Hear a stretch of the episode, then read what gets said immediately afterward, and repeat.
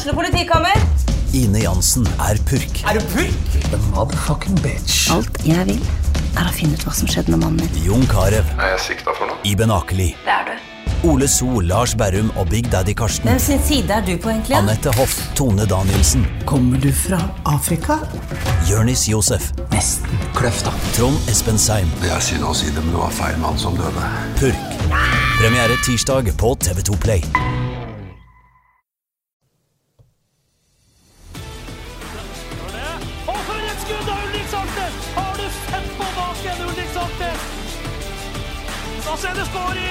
Så skårer Bodø-Glimt.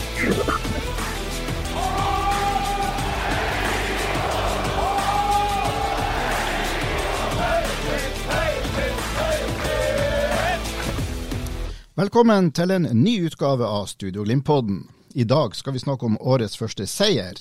Vi skal snakke om overgangsrykter, om hva som skjer på treningsleiren i Spania, og litt om neste kamp som spilles allerede mandag, mot Sparta Praha. Med meg i dag har jeg Freddy Thoresen, vel plassert under noen palmer i Marbella. Velkommen, Freddy. Tusen takk, Børre. Så har vi med oss Glimt-ekspert Trond Olsen fra Lyngen. Velkommen, Trond. Takk for det. Nå er jeg oppe i, i nord og får lov å, å fronte Studio Glimt-podden herifra. Det er deilig. Fantastisk. I studio er også med meg Arnjournalist Sindre Kolberg. Velkommen, Sindre. Tusen takk for det. Det var hyggelig å være tilbake. Og for et skudd av Ulrik Saltnes! Har du sett Aller først, gutter, gutta, la oss prate litt om, eh, om kampen i går, da Glimt fikk sin første seier for året ved å slå Hamarby 3-2. Det sto 2-2 ved pause. Og Sindre, hva er din eh, take? Hva du fikk ut av den kampen der? Artig med seier, i hvert fall. Er det ikke det? Artig med årets første, første seier, og kunne notere den i boka etter det der stygge 0-6-tapet mot, mot Salzburg. Men vi må vel si at det var, det var bedre forestilling enn sist, men ikke helt, ikke helt fornøyd. Ikke helt perfekt der vi skal være mot Ajax, er det ikke det? Men hva du tenker på da? Hva er det som eh, du syns ikke er bra nok? Nei, jeg syns kanskje ikke det er sprudla helt dette laget heller. Altså, det er CC bedring. Altså, det er mye ting setter bedre angrepsspillet mot Salzburg. Ting setter bedre, litt bedre defensivt. Men jeg syns fortsatt at det er noe som mangler litt der. Den siste, de siste 20% kanskje som ikke helt er der ennå. Freddy, hva du tenker Nei, det er jo uh, forbedringer fra første kamp, og det skulle jo ikke så mye til. og Så det, møter de òg en uh, svakere motstander enn de møtte i første kamp. Men uh, for å ta det som jeg er litt enig med Sindre i, det, det er litt sånn slurv med ballbehandling og mottak og en del enkle pasninger som de bommer på, og som ødelegger potensielle gode målsjanser siste tredjedel. Litt, fortsatt litt slurv og, og sånn. Så er det helt klart, eh, spesielt i andre omgang, det laget Glimt satt utpå da, de tok jo en, eh, virkelig en kommando. Jeg snakka med en del svenske journalister. Det er stor interesse for de her fire-fem storlagene i Sverige. Eh, og Det er mye journalister på plass som følger Hamarby, AIK og de klubbene der, Djurgården osv. De mente at det var klasseforskjell på lagene. Selv om det ble 3-2, så, så mente de at ser, de ser at Glimt er et veldig godt lag, og, og mente de var mye bedre enn Hamarby. At resultatet lyver litt. Men eh, fremgang for Bodø-Glimt fortsatt eh, en del jobbe med. Absolutt. Jeg syns det er interessant å se, bare for å ta det, at mot Salzburg så syns jeg det laget som, som, kom ut i første omgang, klarte seg best. Jeg syns de, de, var best. I går så syns jeg faktisk at det laget som i andre omgang var, var bedre. Altså, de klarte seg langt bedre. Det, nå var det jo var det jo mer eller mindre de samme elleve som spiller første og andre gang i de to kampene. Da. Så det er jo interessant å se det. Dog med noen små forskjeller, kanskje. Ei, ei lita justering som jeg tror er litt viktig. Patrick Berg spilte vel første omgang ja. mot Salzburg. Patrick Berg spilte andre omgang mot Hamarby. Ja, stemmer det. Det forteller kanskje, kanskje hvor viktig han er. For det er helt rett, Sindre. Bortsett fra Patrick Berg, så var det stort sett de samme. Og inntrykket er annerledes. ikke sant? Det var en bedre andreomgang mot Hamarby enn det var mot Salzburg. Og så Ulrik var jo også inne og spilla, eh, dypt mot Salzburg og spille indre løp. Ja, og så er, er det jo er, er... Kom igjen, Trond. Ja, og så er det jo det, det, det, Dere er jo inne på det. Det er jo veldig interessant. Altså, um, Salzburg er en mye bedre motstander enn Hamarby. Uh, Bodø-Glimt fikk, fikk, kjenne litt på det der. og det det er helt naturlig i, i denne delen av sesongen. For eh, Hammarby er ute av sesong, og, og Salzburg er mye nærmere sesong. Glimt prøver å finne ut av noen ting. Jeg syns han til tider er tøff, prøver å stå i det høye presset og lykkes eh, til tider med det i, i går. Eh, og treffe på noen. Men de er sårbare i det de bommer på presset og motstanderen klarer å, å vri spillet og komme ut av det. Da er Bodø-Glimt sårbar, og da er det viktig for dem å være kjapp i forflytninga for å stenge ned de rommene igjen. Og Der har Bodø-Glimt litt å jobbe med. Og Så syns jeg de skårer noen flotte mål. Eh, flott spill på, på 1-0. Eh, Fet sitt mål bra. Det, det, det, det, er positive ting å trekke frem. Og så må vi jo innom det ene skåringa som de slipper inn. altså det Faye Lund han, han, har litt for mange av de der, dessverre. og det, det håper jeg han uh, får lagt vekk og bort. For det, de er ikke, det er ikke heldig at han, han har for ofte uh, sånne mål som går i, slippes inn. Ja, for Selv om det er en treningskamp, så skaper jo det når man slipper inn såpass enkle mål, det skaper vel en del usikkerhet?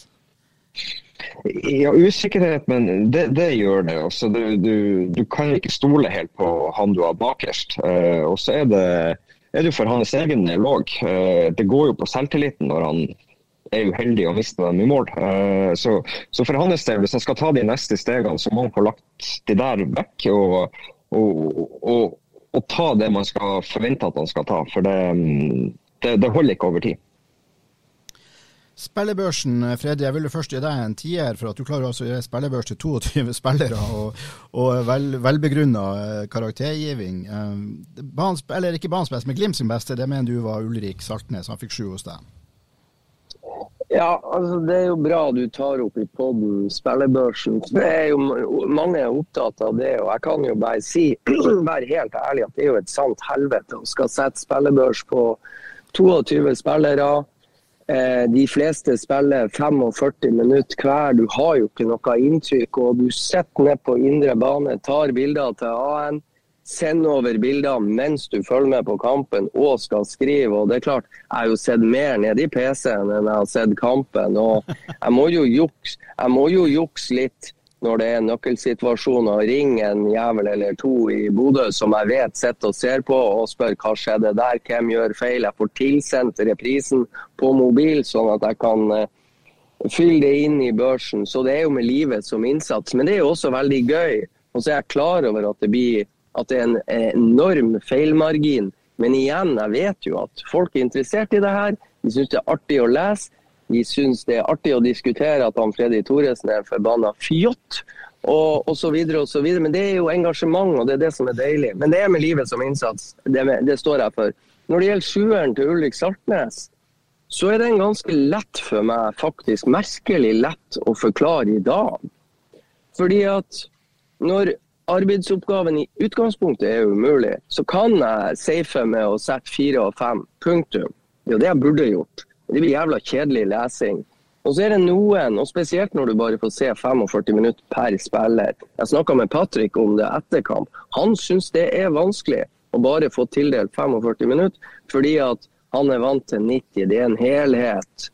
Så, så, og Det er også veldig vanskelig å vurdere, bare 45 minutter. Men det Ulrik loggfører i går, det er flere ting. Først så rydda han opp for Magnus Brøndbo som feilakt som bommer litt på en eh, corner, går ut i feltet, feilberegner. Ulrik er på streken og header unna. OK, stillinga der er 2-2. Av, avklare på strek der. Viktig inngrepen av Ulrik. Så er det enkelt. Han blir matchvinner. 87 minutter, dukker opp på en corner. Så han var nært på en del cornerer før. Men når kampen står og vipper, eller vipper gjorde den ikke, Glimt pressa på. Men tre minutter før slutt får de vinnermålet. Ulrik OK, jeg kan honorere. Men poenget det er lett å oppdage de to i løpet av 45 minutter. I tillegg så var han involvert i en del fine overganger. Jeg syns han var flink på én og to touch i enkelte angrep hvor Glimt får eh, fart på ballen og det går fort. Han er, ganske, han er den beste relasjonelt offensivt i det systemet. Det er en av styrkene hans. Han er flink på det som er enkelt.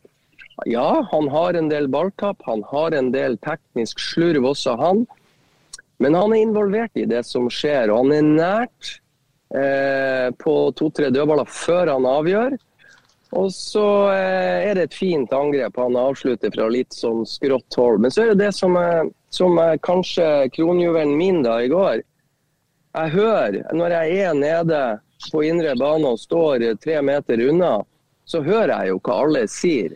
Og de beskjedene Ulrik gir til Petter Nåsa og Daniel Bassi, som er de yngste her, det var veldig konstruktive beskjeder. Det var en del ros. Og jeg tenker at I mitt hode så, så tenker jeg det er godt for Bassi og Nåsa å få den type beskjeder underveis i kampen fra en rutinert røver som Ulrik. I sum hadde jeg muligheten til å dra han opp, eh, og valgte å gjøre det. Helt enig i det Freddy sier, bare støtter meg til det. Jeg syns Ulrik var veldig god, veldig god, i går. og Det er jo godt å se at han er tilbake på det nivået etter det og ikke vært helt heldig mot Salzburg i en annen rolle. Og så kan, kan, jeg ta en av de andre vil Du er enig, Sindre, det er godt å høre. Og, og andre kan være uenige, og det respekterer jeg. Men så er det en jeg bommer litt på. Brede Mo var etter min vurdering desidert beste stopperen til Bodø-Glimt i går. Fordi at han er den som løser best det Glimt øver på. Trond, du, jeg tror du skjønner hva jeg mener her. For Trond peker på eh, faremomentene hvis Glimt blir avspilt i sitt høye press. Altså at de ikke lykkes og, og Hamarby klarer å spille det av. I andre omgang så er det en del ganger hvor Hamarby er i ferd med å spille av Glimt sitt høye press. Men da er Brede Moe tøff i trynet og tør å stå etter midtbanen med Patrick Berg. Støte ut av linja og stå høyere i banen. Og Brede Mo stopper bruddet som kunne blitt. Og, og, som vi så en del ganger i, i eh, første omgang at de ikke klarte. Så Brede Mo sett i etterkant burde nok hatt en karakter høyere enn det han fikk, etter min vurdering. Og, og, og, Det er jo litt viktig, Freddy, det du er inne på. For det, det handler om eh, at varsellampene går til rett tid. At når du ser at ok, her er vi i fare med å få et brudd, og at du da har begynt allerede jobben med å kunne reparere det. Og det, det er viktig for Bodø-Glimt når de ønsker å stå så høyt og ha det presset, at du klarer å ta de signalene og gå inn og avverge dem i, i neste fase, sånn at du, du, ikke blir tatt helt på senga. Det, det, er akkurat det. Og jo tøffere i trynet Glimt-stopperne tør å være i den delen av spillet, jo lettere blir det å få helheten på plass i det presset de ønsker. Altså måten de ønsker å endre presset på. Hadde de to stopperne vi nå snakker om, eh, som avslutta kampen i går, altså Brede og Odin, eh, hadde de en lettere jobb enn Jostein og Isak?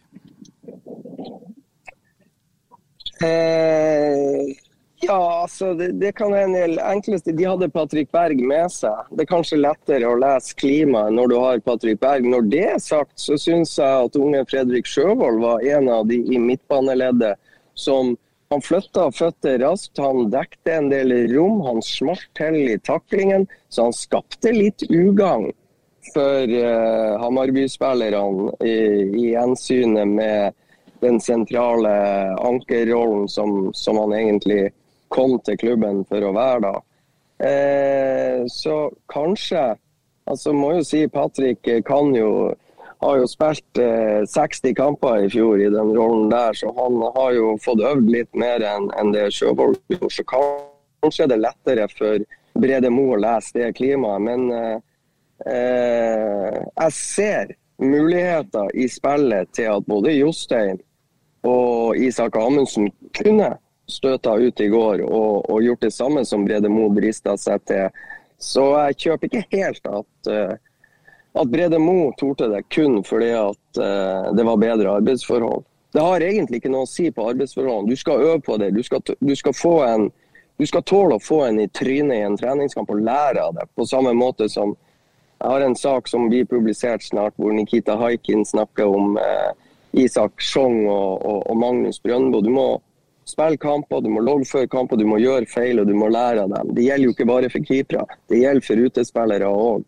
Det å stå for passivt med lua i handa og ikke tørre å utfordre deg, eh, det kommer du ingen vei med hvis du vil spille deg inn i laget til Bodø-Glimt.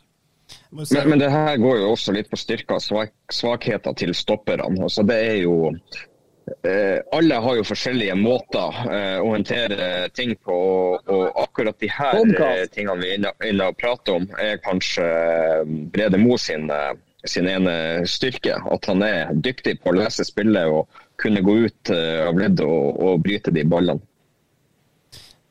Jeg må jo si jo at jeg er enig med Freddy der også med at Brede var den beste i går. Men det er jo, det er jo også et, jeg, et poeng her at, at han, altså, Glimt bytta eh, de bytta vel ti mann eh, til pause. Hammarby bytta færre. Du ser jo Hammarby-spillere ligger jo nede med krampe etter 60 minutter. sånn at det at, at du har en liten forskjell der med at du har eh, mer fitte spillere som er på banen akkurat da, syns jeg jo gjør at arbeidsforholdene til en viss grad blir, eh, blir lettere.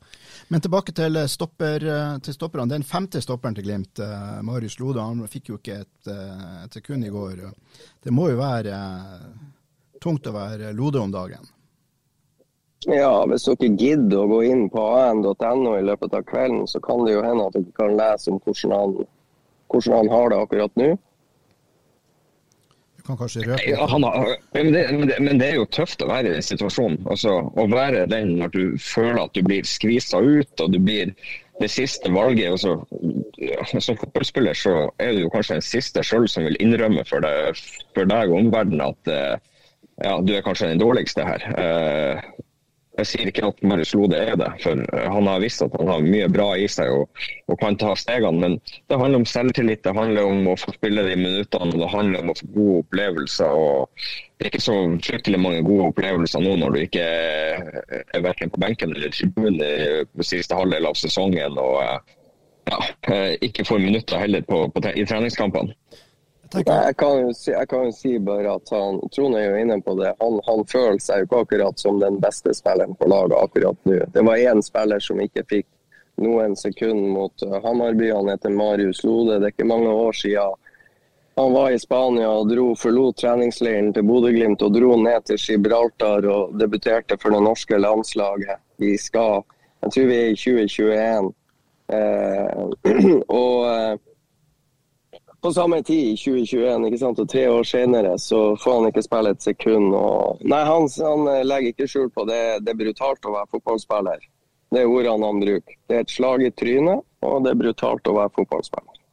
Jeg tenker også altså på, det kan jo være at Marit Ode ikke er i planene til Kjetil Knutsen i det hele tatt, og at han vil spille inn spillere som han virkelig har trua på. Men, jeg, men altså, når vi snakker litt om det med Brede, og at han kjenner systemet godt og vet nøyaktig hva han skal gjøre akkurat i de situasjonene, og kjenner måten Glimt vil spille på, så må jo det også være et take på at Lode i hvert fall bør få muligheten i en treningskamp til å vise hva det er han duger til. Altså, greit nok at han ikke hadde noen god høst i fjor, og at han var, ikke har vært på sitt beste etter han kom hjem fra Tyskland, men altså hvis du, skal, hvis du, skal, øve på ting, og hvis du skal prøve å spille inn et lag før de Ajax-kampene der, og du har en mann i troppen med så mye rutine, som har de kvalitetene Lode har, og den pasningsfoten og den eh, måten å spille på, da, så bør du iallfall få muligheten kanskje til å vise, om så i 45 minutter, da, til å vise hva du faktisk er god for, tenker jeg. Han har, han har fått 15 minutter nede, og det er på høyre back. Så eh, Nei, men det, det, forteller jo alt om uh, Nå er det fire stoppere, de er friske, og da er det de fire andre som får prøvd og øvd og prøver og feil. Og så ser jeg jo det at på, på trening så, så, er det de samme lagene som matcher seg mot hverandre. og da det jeg ser er at Jostein Gundersen og, og Isak Amundsen får stort sett stå hele tida. Så er det en liten rullering. Av og til er det Odin og Marius som rullerer. Eh, et par dager var det også Brede, og var rullering da med, med de to førstnevnte.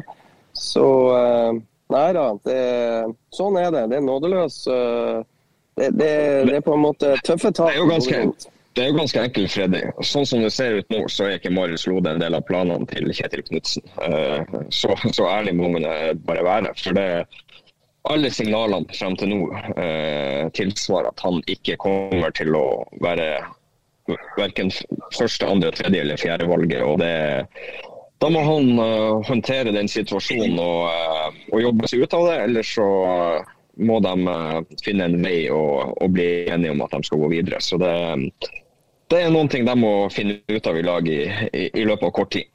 Men hvem mener vi er Glimt sin beste stopperduo akkurat nå?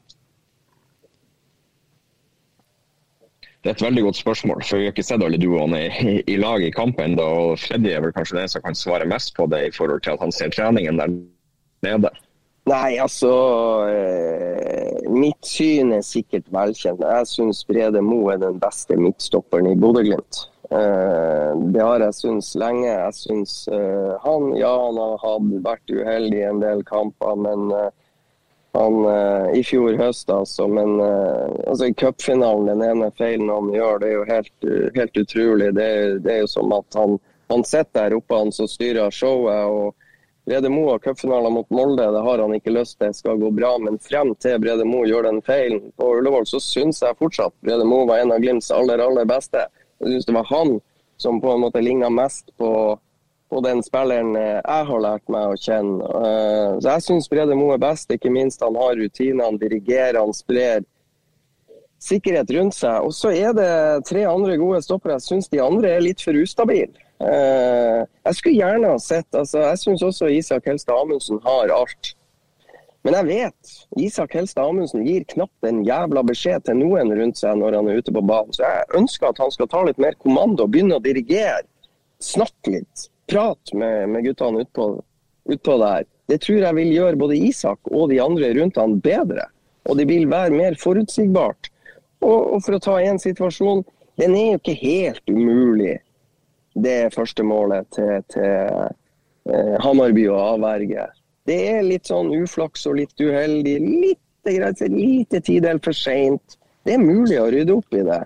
Hvis vi ser Jostein Gundersen når August Mikkelsen kom i fullt driv, så benytter han jo første sjanse til å sende inn ei pansertakling på sin gamle tilkompis. Og det var jævla deilig å se. Så det er noe med å være i forkant og bestemme seg. Eh, de slipper inn for billige, for enkle baklengsmål. Det er klart OK prestasjoner av motstander òg, men uh, min påstand er at det går an. Adam Sørensen kan forresten for øvrig vinne duellen han er involvert i, før Isak havner i to situasjoner eh, rett etterpå. Så uh, jeg syns både Odin og, og Isak og, er litt for ustabil. Jeg ønsker å se stigning i programmet. Og det her er jo litt, egentlig, Hvis du går tilbake til fjorårssesongen, så er det jo der skoen trykker litt. Det er jo Bodø-Glimt defensivt som en enhet må bli bedre til å forsvare seg og hindre mål. For det, det er ikke bare stopperne sin feil at de slipper inn mål, og keeper sin feil. Det er, altså det er sammensatt. og det, det, det, laget. De må bli bedre i lag. De må stenge de rette rommene. De må lede dem i de, i, ut i de rette rommene når de begynner å nærme seg boks. Alarmklokken må gå mye kjappere og de må være enda råere eh, samla for å få, få på det forsvarsspillet. og Det håper jeg at de jobber knallhardt med. Og der har du, Trond, det aller beste poenget som er kommet i dagens pod. Akkurat det du sa der, bransjen, skal dere bare ramme inn på veggen og henge opp. For der er, der er nøkkelen til at Glimt skal se bedre ut som en defensiv enhet i 2024. Og jeg innbiller meg at det er det de jobber med. Men der er hovedpoenget. Jeg vet ikke om det er noe særlig mer vi kan eh, Vi skal dra ut av den kampen uh, i går, bortsett fra jeg vil bare ha nevnt at jeg syns uh, Hammarbys beste var uh, Tromsø-gutten. August Mikkelsen. Jeg vet ikke om dere følger meg på den. Jeg syns han var, uh, virka veldig bra. Jeg har ingen kommentar. Vet du hvem er altså Hammarbys beste? Det er jo Roffe Wikstrøm. Eh, Sveriges eh, bluesgud. Eh, Sveriges svar på BB King. Skriv tekster på svensk. Gitaren synger. Han er Hammarby-fan. Gå inn og sjekk etter podden. Roffe Wikstrøm. Det er der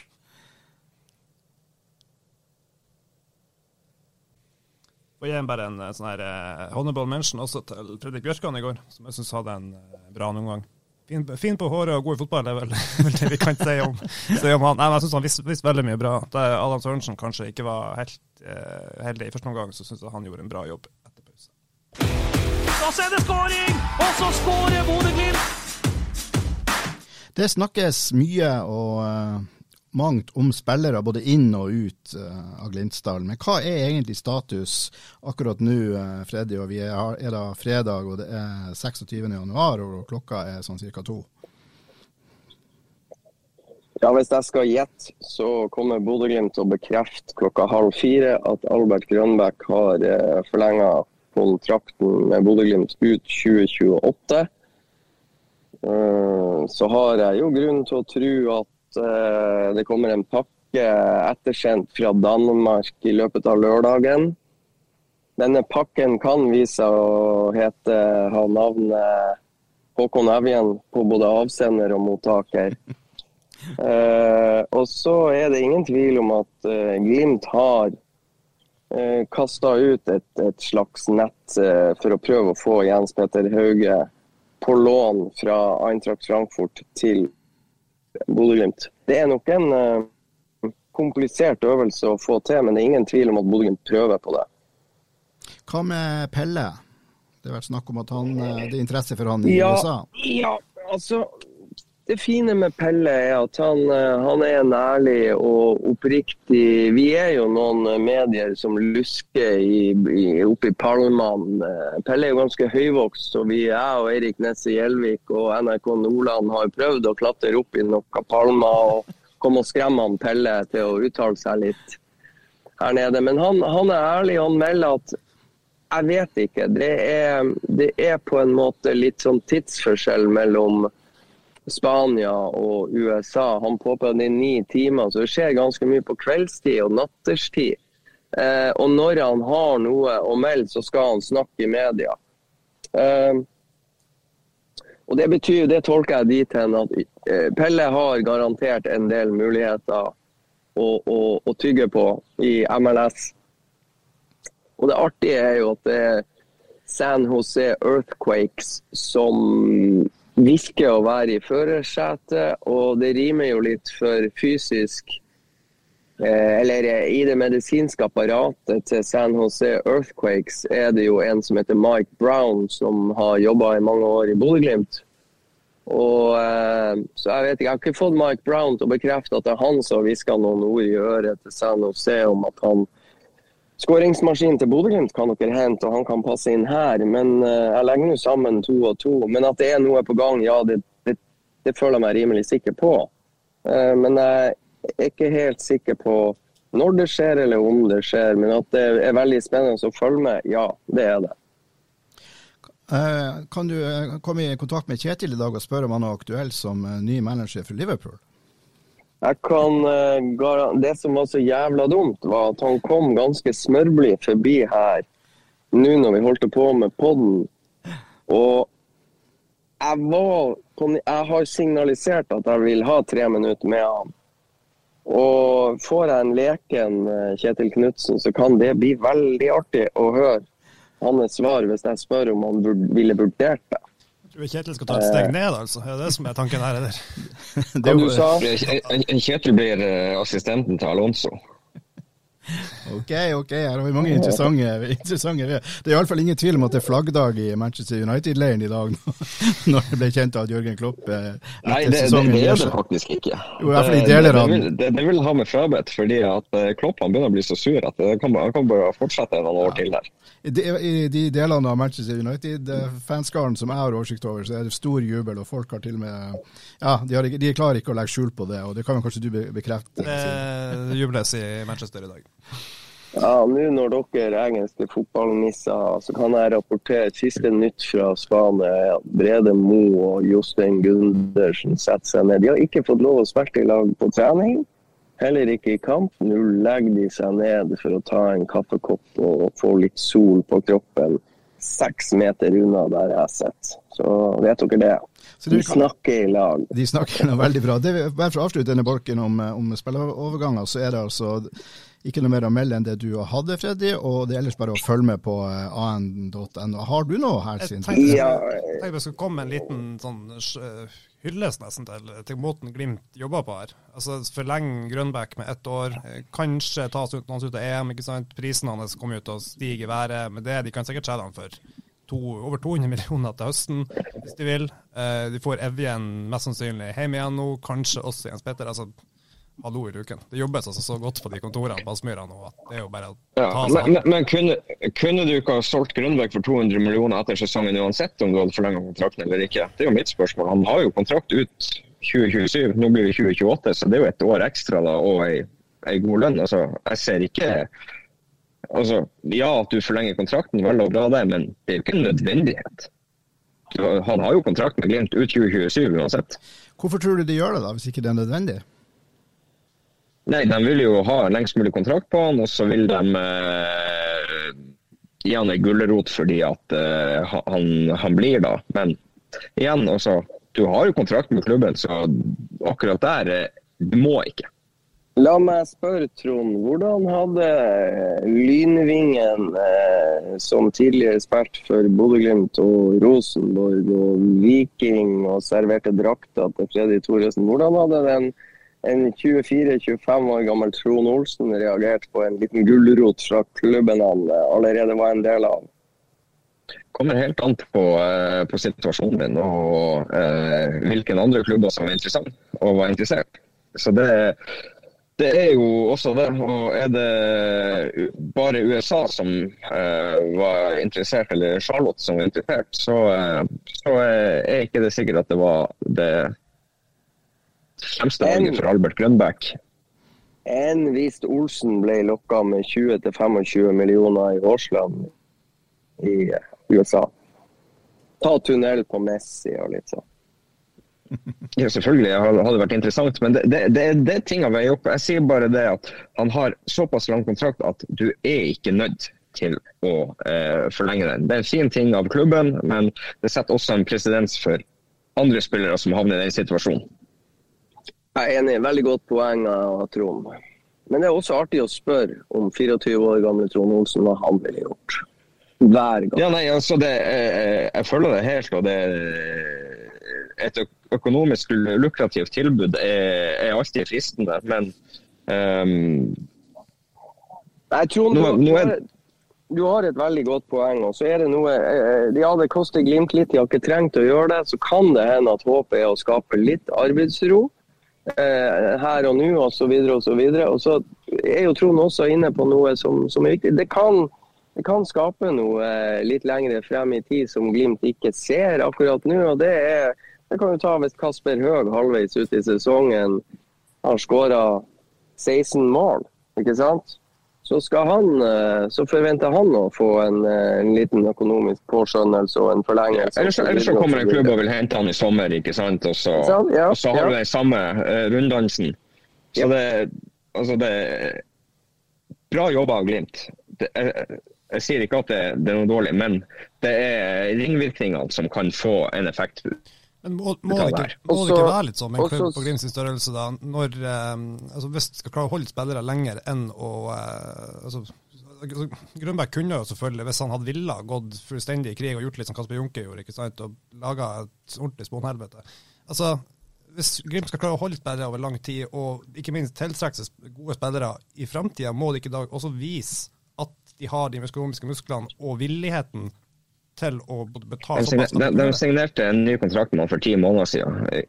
Ikke sant? Han hadde fire år igjen av kontrakten. Så det er Du var ikke nødvendig, men det er en bra ting. Jeg syns det er godt observert. Og så skårer Bodø-Glimt! Vi hørte så vidt i bakgrunnen der at Freddy var eh, enig i observasjonen til Trond om den nye kontrakten med Albert. Vi går videre. Og Freddy, du sitter jo under palmene i Spania. Hva skjer, ja. på, hva skjer på treningsleir? Merker du det noe brakkesyke, eller? Nei, eh, Glimt-spillerne er ganske vant til det her. og Jeg tror de vet hvordan været er hjemme i Norge og, og ute på Aspmyra, ikke minst der de er. sånn at eh, det, jeg, det, jeg, registrerer, er at eh, både Patrick og Sondre Fet og en del andre spillere som jeg prata litt med etter kampen i går, de, de, de, innrømmer at uh, de er tunge i beina, de har trent hardt. Uh, de har vært her litt over ei uke. Det, så det, det, er kanskje ikke sånn Det høres ikke sånn der skrekkinngytende ut, men, men, det er energi, det er trøkk. Det legges ned en solid porsjon innsats. Og som jeg sier, de to lagene som matcher hverandre på trening, på storbanespill, det legges ned noen meter. Det er en del høyintensitetsløp osv. Så, videre, og så, så de jobber jævla hardt for å bli bedre på de tingene Trond eh, påpekte, altså med, som, som, Glimt må løse den defensive når de presser høyt og ønsker å, å, å låse av motstanderen høyere. De gangene det glipper, så, så, sant, så, blir det jævla skummelt defensivt. Uh, men de jobber steiker intensivt med det og legger ned mye energi hver bidige trening. og Nå merker veldig mange at det begynner å bli tunge bein. De har ikke den spruten som de ønsker. og, uh, og det syns jeg er egentlig et godt tegn. Altså. Men ikke noe, ikke noe brakkesyke. Vet du noe om hvilke planer de har for helga? Blir det litt roligere nå, eller er det vanlig kjør, og så er det kampen på mandag? Altså, Forrige lørdag fikk de fri. Eh, det får de ikke. I dag er det fredag. I dag var det en rolig trening med litt eh, fotballtennis, og de var mer eller mindre i gymmen. I morgen skal de trene. De får ikke fri. Og så er det trening eh, søndag. Og så signaliserte Kjetil Knutsen ei litt mer spissing av laget inn mot Sparta Praha. Han, han, antyder kraftig at det blir ikke to elvere, som vi har sett i de to første kampene. Der skal flere loggføre opp i 60-70 minutter. Altså det blir mer en sånn normal kamp som vi er vant til å se. Uh, så det skjer da mandag mot uh, Sparta Praha. Da vil den der dreininga skje. Ja, altså Vi kan jo begynne, vi kan jo snakke litt om den kampen da, mot, uh, mot serielederen i Tsjekkia, Sparta Praha. Der er det jo sånn at uh, Sparta Praha har hatt en vinterpause uh, siden desember og starta opp igjen i serien den, om 14 dager, vil jeg tro. Og der tror du altså, Frede, at vi får se mer tilnærma det laget som Kjetil mener er det beste? Ja, der vil vi få se litt mer konturene av eh, de som Kjetil ønsker å sende på banen mot Ajax. Og det er jo helt, det er helt naturlig nå, og det, og det, må de. fordi at Skal du stå de 90 minutter når du møter Ajax, så må du begynne å loggføre og, og bli vant til å spille 90 minutter. Altså, det, det, er de nødt til å, å, gjøre nå hvis de skal være konkurransedyktige. Mm. Er det noe tegn til Høg, Espejord og Nikita? På feltet, Freddy? Ja, det, det Altså, Nikita er, må vi nok uh, vente litt på, tenker jeg. Eh, snakka vel Nikita håpa vel på neste tur ned hit, eh, altså om 14 dager ish. At han kun begynner å Han håpa at progresjonen var at han kunne begynne å slenge seg på gresset etter en ball. Så han vil det nok ta litt tid med. Kjetil Knutsen antyda at kanskje Runar Espejord kunne få ti minutter, et kvarter mot Sparta Praha, hvis eh, de hadde litt marginer med seg nå. Så Runar er lengre frem, ganske mye lengre frem enn en Kasper Høeg, forstår jeg. Men, men, men nå når vi er inne på å prate med de skadene og hvem som er viktig, så må vi jo tenke uh, inn mot Ajax-kampen. Det vi vet er at Kasper Høeg er ikke registrert for uh, europaspill. Det samme er ikke Omar. Uh, så det er jo, det er jo noen faktorer her med, med, spillere inn, hvem de henter inn nå med Håkon. Uh, Jostein, ikke sant? hvem de skal bruke de tre plassene på. Så det, det, er veldig viktig og interessant å se hva de gjør fremover.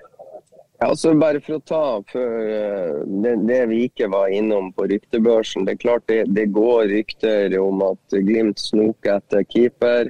Og det går rykter om at Glimt snoker etter spiss. Men uh, det er nå på en måte rykter. Noen er mer uh, sånn mindre fugler som kvitrer-kvitrer. Og så er det noen som kanskje er litt, eh, litt reelle. Men det er jo fortsatt i spill, tenker jeg. Men jeg, jeg, jeg tipper de diskuterer det fra dag til dag. Keeper, spiss. Hva gjør vi? Lykkes vi med Jens Petter? Lykkes vi med Håkon? Hvordan sant? Så det, det, er mange tanker samtidig. Så, eh, men Trond har eh, poeng der òg, hvem, hvem skal inn? Og det blir jo lettere å spekulere i de tingene etter hvert som det blir bekrefta at Håkon Nævjen kommer fra Brøndby, og, og eventuelt Jens Petter osv. osv.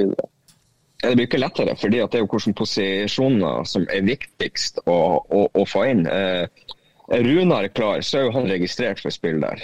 Det er jo ikke Kasper Høeg, så da må du bruke en plass på han da hvis om og men. ikke sant? Så det, er Ja, eh, og, og ja, det blir lettere å hente de andre Ilic fra Vålerenga. Så regner jeg med at de klinker han rett inn på topp og inn i troppen. Så det blir lettere å spekulere. Akkurat nå, Omar El Abdelawi, det er ikke noe vits å melde han inn hvis man har Bris Wembangomo og Fredrik Sjøvold.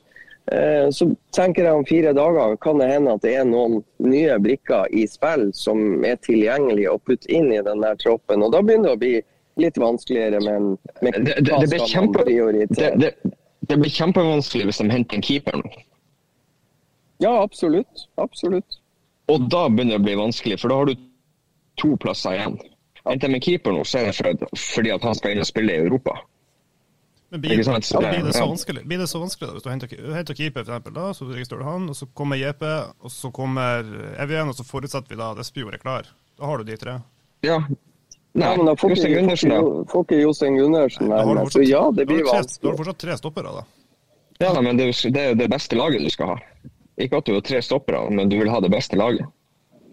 Korrekt. Og du har, de har jo henta Jostein Gundersen fordi at de vil ha litt power, litt punch, litt sklitaklinger, litt faenskap i de her bakre rekker, som de håper at Jostein skal tilføre allerede gode Glimt-stoppere. Det de mangler, altså litt mer gæren galskap i duellspill. Men eh, gutter, la oss eh, vente litt med Ajax, vente litt med den troppen, og så går vi litt tilbake til den kampen på mandag. Eh, hvor vi nå allerede vet at Kjetil kommer til å stille med det han akkurat nå mener kanskje er det sterkeste laget Glimt har.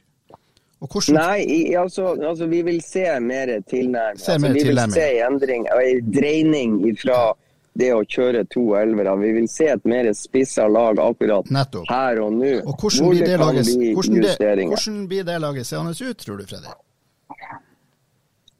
Ja, Det blir Brisveen, Bangomo eh, så- Ja, ja, jeg, skulle, jeg kan tenke meg til at det blir eh, Jostein Gundersen og Isak Amundsen og Fredrik André Bjørkan.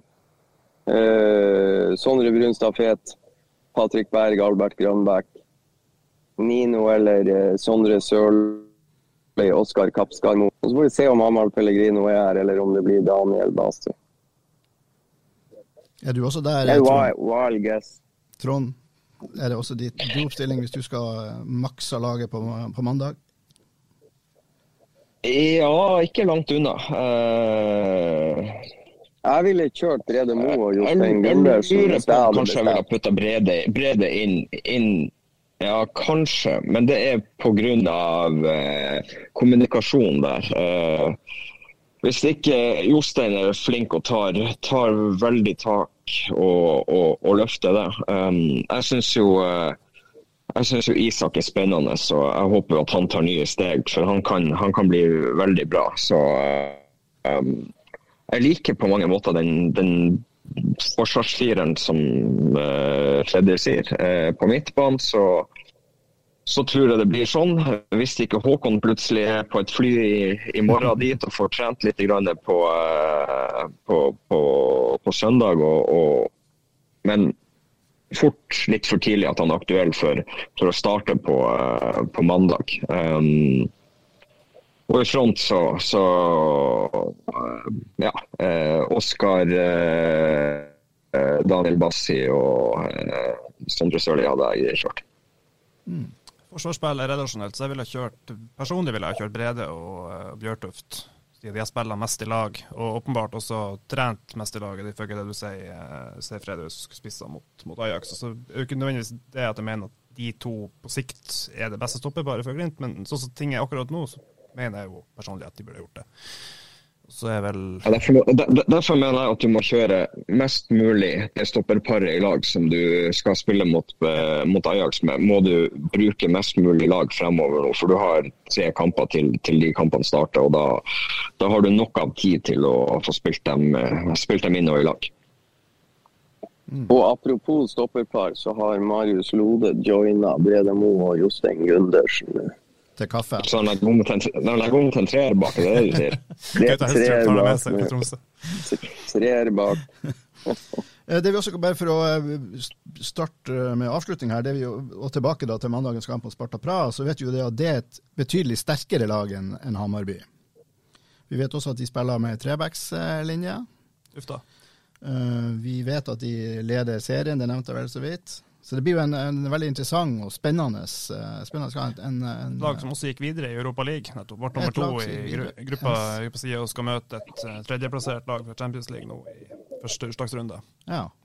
Det er en, det er ikke en lett motstander Glimt skal bryne seg på. Vi, vi kan jo mimre litt uh, til 2021. Jeg tror Bodø-Glimt var her på Dama di Noche, der de trener før en, en liten måned før covid uh, overraska hele verden.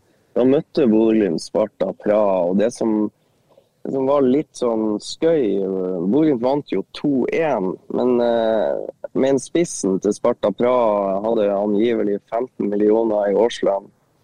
Og da var jo snakkisen at han alene tjente mer enn hele Glimt-troppen. Eh, og det var jo litt skøy. Jens Petter Hauge skåra forresten på straffe etter tre-fire minutter, og Morten Konradsen ble matchvinner. Og så reiste Bodø-Glimt hjem til Norge, og covid eh, eh, slo inn. Og Det var også første gang Isak Amundsen eh, måtte inn til pause. En skade på stoppeplass. Og eh, ja, fikk sin ilddåp og temma Sparta Praha-stopperne. Så han har gjort det før. Nei, Sparta Praha-spissene. Han har tenna de før. Får vi se om han gjør det på mandag. Kampen går i alle fall på mandag, som du sier, Freddy. Den går 15.30, og du ser den på uh, direktesport eller på an.no. Og så er det skåring! Og så skårer Bodø-Glimt! Det var det vi hadde i denne omgang. Takk til Freddy Thoresen, Trond Olsen og Sindre Kolberg. Programleder Bør Arntzen gir den aller største takken til deg som hører på. Nye episoder av Studio Glimt-podden kommer i neste uke. Heng med.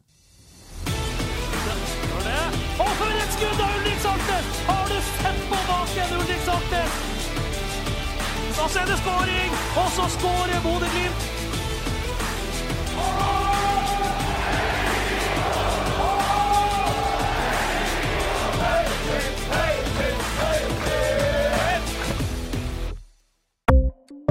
Ukens annonsør er HelloFresh. HelloFresh er verdens ledende matkasseleverandør og kan være redningen i en travel hverdag. Mange av oss har nok vandret i butikken både sultne og uten en plan for middagen, som ender med at vi går for de samme kjedelige rettene gang på gang. Middag burde være dagens høydepunkt. Som HelloFresh kan du nå velge mellom 25 ulike retter hver eneste uke, eller få HelloFresh til å sette sammen menyen for deg. Dette gir deg muligheten til å prøve nye og spennende retter alene eller sammen med familien. Du velger antall porsjoner og får alt levert på døren på et tidspunkt som passer for deg. Oppskriftene er enkle, og maten er lett å lage både for store og for små. Ved å få alt levert hjem får du også mer tid til å dele matgleden med familie og venner. Kanskje det frister med asiatiske tacos eller greskinspirert kylling? Da kan jeg anbefale deg om å gå inn på hellofresh.no. Her kan du bruke koden FOTBALL og få opptil 1779 kroner i rabatt på de første fem matkastene hvis du ikke har prøvd HelloFresh tidligere. Du kan også bruke rabatten hvis du har vært kunde og stoppet abonnementet ditt for tolv måneder siden eller lengre. Gå inn på hellofresh.no og bruk koden FOTBALL. Har du et enkeltpersonforetak eller en liten bedrift? Da er du sikkert lei av å høre meg snakke om hvor enkelt det er med kvitteringer og bilag i fiken, så vi eh, gir oss her, vi. Fordi vi liker enkelt. Fiken superenkelt regnskap.